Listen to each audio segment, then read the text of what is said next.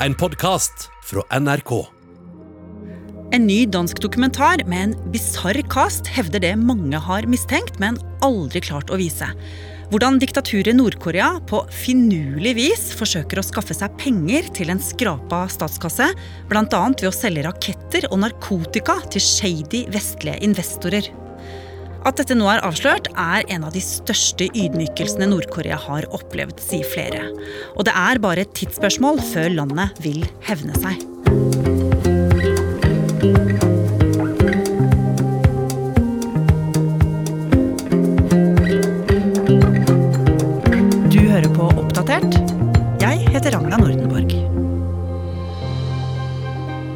Jeg har fulgt ganske nøye med på Nord-Korea nå i, i, mange år, og jeg har aldri sett noe som ligner dette. Dette er oppsiktsvekkende at de har greid å få på film.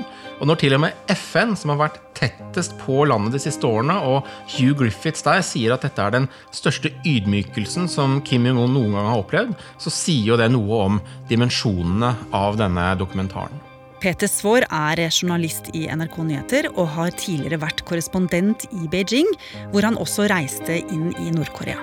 Først og fremst så tenker jeg at det er ganske farlig å prøve å lage en sånn film som de har gjort her. Husk at Kim Jong-un har vist at han ikke nøler med å ta livet av folk, også utenlands, på spektakulære måter. Han tok f.eks. trolig livet av sin egen halvbror på flyplassen i Kuala Lumpur med nervegassen VX for noen år siden, så dette er folk som absolutt mener alvor. Ok, Peter. Vi skal selvsagt eh, snakke mer om hva som avsløres i denne dokumentaren, og hva som er så oppsiktsvekkende med hvordan den er laga. Men aller først, for å gi oss litt mer grunnlag til å forstå denne dokumentaren, du som har vært der, kan ikke du fortelle oss hva slags land Nord-Korea er? Nord-Korea er jo i dag et av verdens mest lukkede land. På mange måter er de den siste rest av jernteppet fra den kalde krigen. The intelligence war was lopsided. The KGB operated in the West, but the CIA confronted a closed world. Koreahalvøya var jo okkupert av Japan. De var alliert med Nazi-Tyskland i andre verdenskrig, såkalte aksemaktene. Men så kapitulerte jo Japan da amerikanerne bombet Hiroshima og Nagasaki. Eh, og sovjetiske styrker gikk da inn i Korea fra nord, og vestlige styrker gikk inn fra sør.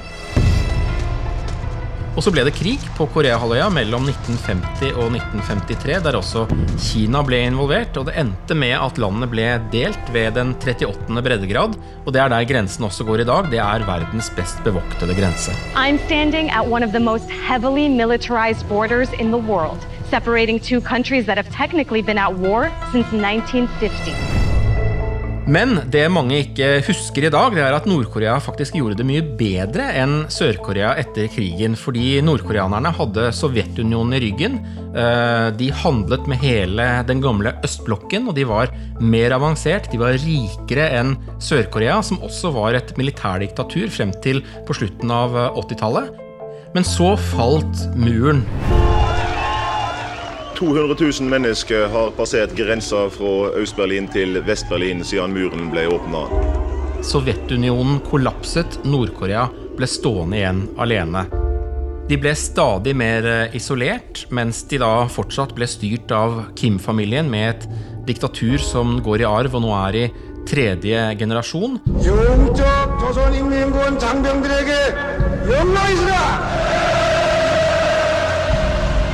He's a man born into power, the heart of the axis of evil. Men det har ikke gått så bra. På 90-tallet så hadde de en sultkatastrofe som tok livet av millioner. Og landet bruker også utrolig mye penger på forsvar, som gjør at de ikke har råd til bl.a. å fø sin egen befolkning. Og så får de ikke handle med så veldig mange andre. De fleste land boikotter dem. FNs sikkerhetsråd har vedtatt såkalte sanksjoner fordi Nord-Korea har hatt atomvåpenprogram som resten av verden ikke er enig i at de skal ha. The isolated regime carrying out its biggest nuclear test to date, and some analysts claiming it was more powerful than the atomic bomb dropped on Japan. Og I dag så kjenner vi jo Nord-Korea som et land for de som i hvert fall for de som ikke er i eliten, som et ganske forferdelig land å bo i, med bunnløs fattigdom på landsbygda. Men selv om dette landet da er på sanksjonslista til FN, og at de blir boikotta av omverdenen, så vet vi jo at Nord-Korea har klart å sno seg rundt disse sanksjonene. Ja, og det ser du egentlig allerede når du lander på flyplassen i Pyongyang, for der går du forbi en taxfree-butikk med et helt oppsiktsvekkende godt utvalg av vestlige luksusvarer. Der er det fransk vin og dyr konjakk, det er gåselever og Chanel-vesker, alt er priset i dollar, og nærmest som en sånn trassig pekefinger til verdenssamfunnet. Men akkurat hvordan Nord-Korea får tak i disse varene, det har vi ikke fått helt dokumentert, selv om det har stått litt om det i tørre FN-rapporter opp gjennom årene. Nå har vi fått se hvordan dette kan foregå med egne øyne, og i tillegg har vi fått se at de tilbyr våpen og narkotika til utenlandske kjøpere. Og alt dette kommer fram i den nye dokumentaren Muldvarpen, som NRK også har vært med på å finansiere. Fortell om den. Fortellingen starter i en forstad til København i 2009, der en uføretrygdet dansk kokk som heter Ulrik Larsen, sitter og ser på en dansk dokumentar om Nord-Korea. Dokumentaren heter Det røde kapell, og den viser filmskaperen Mats Brygger som tar med seg to danske, men koreanskfødte funksjonshemmede, av alle ting, til Pyongyang. Jakob, er du klar til å si Little Pussycat? Han fremstiller dem som komikere og vil lage en slags teaterforestilling mens han lager en film om det. Eh, og De later da som de driver med kulturutveksling, men egentlig så lager de en film der de gjør narr av hvordan Nord-Korea fungerer, og viser frem all sensuren som de utsettes for. Dette blir kokken Ulrik Larsen så fascinert av at han tar kontakt med eh, Mats Brygger, som har laget filmen, og tilbyr seg å infiltrere den nordkoreanske vennskapsforeningen i Danmark. My name is Ulrik Larsen, and I'm really happy to be here and could speak at this annual meeting.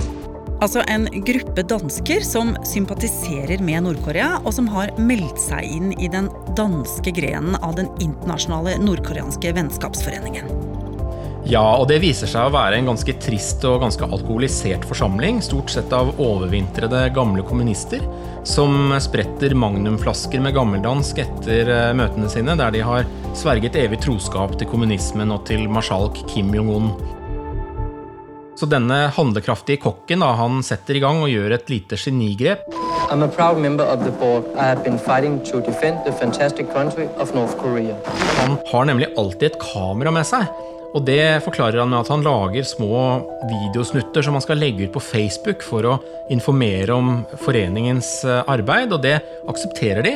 Så alle blir liksom vant til at Ulrik går rundt og filmer, og det er jo det som gjør at han de neste årene kan filme så mye av det han ser, også i Nord-Korea, helt åpent, og som da blir denne dokumentaren. Og etter hvert så reiser han på turer til Nord-Korea sammen med den danske vennskapsforeningen. Og Ulrik begynner også å få venner og kontakter ganske høyt oppe faktisk i det nordkoreanske systemet. Så høyt oppe at han etter hvert blir spurt om å finne en rik skandinavisk investor som kan tenke seg å investere i Nord-Korea.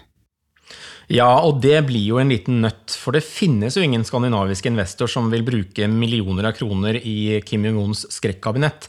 Så de må rett og slett dikte opp noen, og her kommer da karakteren Mr. James inn i bildet. Our minimum investment is 50 million uh, euro. 50 euro. Yeah, 50. Mr. James er en dømt kokainlanger fra København med tatoveringer over hele kroppen. Han har sittet åtte år i dansk fengsel Bakgrunnen hans før det var at han var leiesoldat for den franske Fremmedlegionen. Og han leier da regissøren inn til å spille rollen som en veldig rik danske med et nokså omtrentlig moralsk kompass, som angivelig representerer en rik, men veldig diskré dansk investorfamilie. Og Sammen drar de til eh, Nord-Korea, og der ender de i en hemmelig underjordisk bunker utenfor eh, Pyongyang med karaokejenter som danser rundt dem hvor de møter en sjef for en nordkoreansk våpenfabrikk. Han gir dem en laminert meny over raketter og granatkastere med prisliste og det hele, og de undertegner en kontrakt om at de skal kunne kjøpe noen av disse våpnene, og da under dekke av at det skal selges til det som blir kalt Israels fiender i Midtøsten. Ja, for nordkoreanerne er ikke så glad i Israel, Peter. Nei, De ser vel på Israel som en nær alliert av USA, først og fremst. Og så er jo Israel en motstander av Nord-Koreas gamle venn i Midtøsten, som er al-Assad-familien, som jo har styrt Syria i årtier. Mm. Men det som kommer fram på dette møtet, det er mildt sagt oppsiktsvekkende. Ja, det er i hvert fall ingen som har sett uh, dette på film før. Og den første som får trukket ned buksa skikkelig her, det er jo den såkalte koreanske vennskapsforeningen KFA. For på overflaten så driver KFA egentlig bare med kultur- og informasjonsarbeid og turer til Nord-Korea og sånt. Men i denne filmen så ser vi hvordan det er KFA som har vært bindeledd for å få i stand avtaler som strider med en hel liste av FN-sanksjoner. Eh, og denne organisasjonen har tydeligvis også da en leder som ikke har skrupler med å formidle våpen til en innleid skuespiller som verken venneforeningen eller det nordkoreanske regimet egentlig vet noe som helst om. Og den personen som sitter og trekker i alle disse trådene, og som er topplederen i den globale vennskapsforeningen, er en spansk aristokrat ved navn Alejandro Cao de Beños. You're a Spanish aristocrat representing the North Korean regime. What's in it for you? I wanted to contribute for the construction of a socialist country. There will be no world without Korea. If North Korea is attacked nuclearly by the United States, the world will end as we know it. Og Alejandro Cao de Beños han blir en hovedfigur i filmen. Han er jo en litt tykkfallen spanjol som har brukt hele livet sitt på å bli Nord-Koreas bindeledd til omverdenen og til Vesten. Han er den eneste i verden angivelig som har dobbelt statsborgerskap med Nord-Korea. Vi ser jo i filmen hvordan han går i militæruniform når han er inne i landet. Han skryter av at han kan ringe rett til Kim Jong-un om nødvendig, og at han kan utstede visum. Mm. Og så blir vi jo vitne til hvordan Alejandro trekker i alle tråder som en slags portvokter. Så når han går god for en vestlig forbindelse, så stoler nordkoreanerne på det. Ja, de har åpenbart veldig stor tillit til ham, men et vendepunkt i filmen også, det er jo at uh, Alejandro er misfornøyd med disse halvfulle, halvgamle kommunistene i Vennskapsforeningen i Danmark, som han ikke syns uh, kommer noe videre. Så han vil at Ulrik Larsen skal ta over som ny leder. Og slik er det da at muldvarpen Ulrik slipper virkelig inn på innsiden av Alejandro og denne vennskapsforeningens univers. Eh, og vi ser hvilken rolle denne foreningen har under overflaten i å skaffe penger, kontrakter, forretningsforbindelser til regimet, hvor de er særlig interessert i euro. Og hvorfor er de det? Fordi både Kim-klanen, som jo egentlig er en slags kongefamilie i Nord-Korea, og den veldig store eliten som de er nødt til å holde lojale, og som er rett under dem, de har et helt umettelig behov for vestlig valuta. De skal ha whisky, konjakk, svarte Mercedeser, Nespresso-kapsler til maskinene sine på kjøkkenet, på lik linje med alle andre velstående mennesker i verden. Og for å skaffe det, så må du jo ha noe å betale med. Og derfor så gjør nordkoreanerne alt de kan for å vri vestlig valuta ut av omverdenen. Da jeg var i Pyongyang for noen år siden, så ble jeg, jeg og fotografen behandlet nærmest som vandrende minibanker. For eksempel så fikk vi et krav om å betale en sightseeing-avgift på nesten 3000 kroner helt ut av det blå. Ja. Og guidene våre var veldig opptatt av at vi skulle gi dem euro, og så skulle de veksle når vi var på restaurant eller tok en taxi. Så de har et stort behov for det, og de har et stort behov også for bensin og diesel, som er på uh, FNs sanksjonsliste. Uh, og det de da kan tilby tilbake, det er våpen, legemidler og narkotika. Og det vi ser videre i filmen, er at danskene og nordkoreanerne bl.a. blir enige om å bygge en underjordisk våpenfabrikk i Uganda. Men etter dette så stopper historien litt opp. For selv om avtalene ble inngått og planene ble lagt, ble jo aldri disse pengetransaksjonene fullført, og våpnene ble derfor heller aldri produsert eller levert. Så Peter, jeg blir jo sittende igjen og lure på hvordan dette kunne ha gått hvis dokumentarteamet tok den helt ut. Altså La oss si at Mr. James hadde hatt alle pengene han lot som han hadde, og disse hadde blitt sendt i retning Nord-Korea. Hva tror du hadde skjedd da? Ja, Det syns jeg er et veldig godt spørsmål, fordi som du også sier, så ender jo filmen med at eh, de inngår noen avtaler med nordkoreanerne, men det blir jo ikke overlevert noe våpen eller narkotika eller andre sånne ting. Så et spørsmål er jo litt hvem som forsøkte å lure hvem her. Ville nordkoreanerne egentlig bare ha tak i pengene til denne fiktive Mr. James uten å gi fra seg noe som helst? Det får vi liksom aldri helt svar på. Eh, men det er jo åpenbart at eh, nordkoreanerne er ganske skeptiske underveis til denne skuespillerforretningsmannen. De lurer på om han er så rik som han sier han er. Og eh, på et tidspunkt så virker det som de også får kalde føtter og trekker seg fra hele avtalen. Mm. Og at de ikke de sjekker han opp litt grundigere, det er veldig rart. fordi de har jo Google i Pyongyang også. Men Uansett så er denne dokumentaren nå, som en FN-tjenestemann også har beskrevet, kanskje den største ydmykelsen av Kim Jong-un siden han kom til makten i 2011. Mm. Og som du allerede har fortalt, Peter, Nord-Korea er jo kjent for å ikke la seg pelle på nesa. Hva kommer Nord-Korea til å gjøre nå? Ja, Det vet vi jo ikke nøyaktig, men vi kan se på hvordan Nord-Korea har håndtert litt sånn tilsvarende ydmykelser før. For noen år siden så slapp Sony en komedie som het The Interview. og Det var en film om en journalist som skulle prøve å få et intervju med Kim Jong-un i Pyongyang, og så forgifta ham angivelig med noe nervegift i håndflaten. Eh, og Etter at den filmen ble sluppet, og det var altså en komedie, så ble Sony hacket. Og flere tusen interne e-poster og filmmanus ble dumpet ut på nettet. Og Det antok man at det var nordkoreanske hackere som sto bak som en hevn for den filmen. Mm.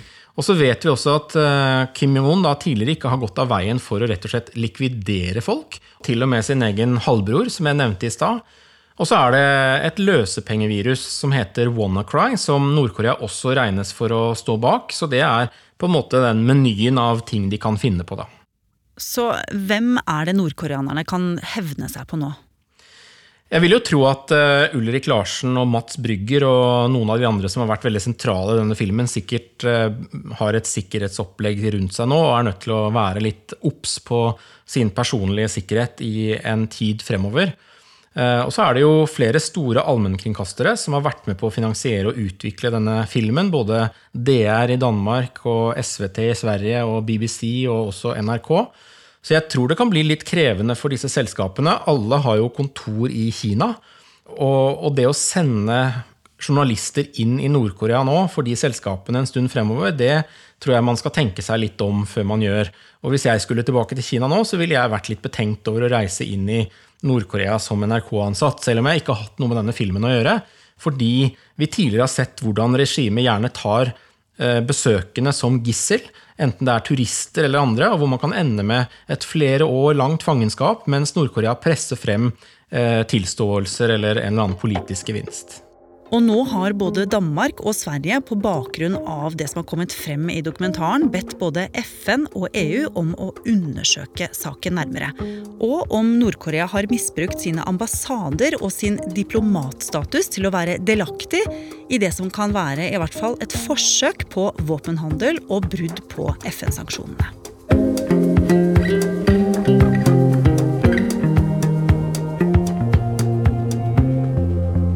Har du lyst til å bli fast lytter av oss i Oppdatert og få påminnelse om nye episoder, er det bare å trykke på abonner-knappen. Og så er det veldig hyggelig hvis du vil anbefale oss til en venn. Oppdatert er en podkast fra NRK Nyheter, og vi som jobber her, er Ida Tune Øretsland, Andreas Berge, Ina Emily Swann, Ole Andreas Låke Klevan, Petter Sommer og jeg, Ragna Nordenborg. Vil du kontakte oss, gjør gjerne det på oppdatert alfakrøll nrk.no. Du har hørt en podkast fra NRK. Hør flere podkaster og din favorittkanal i appen NRK Radio.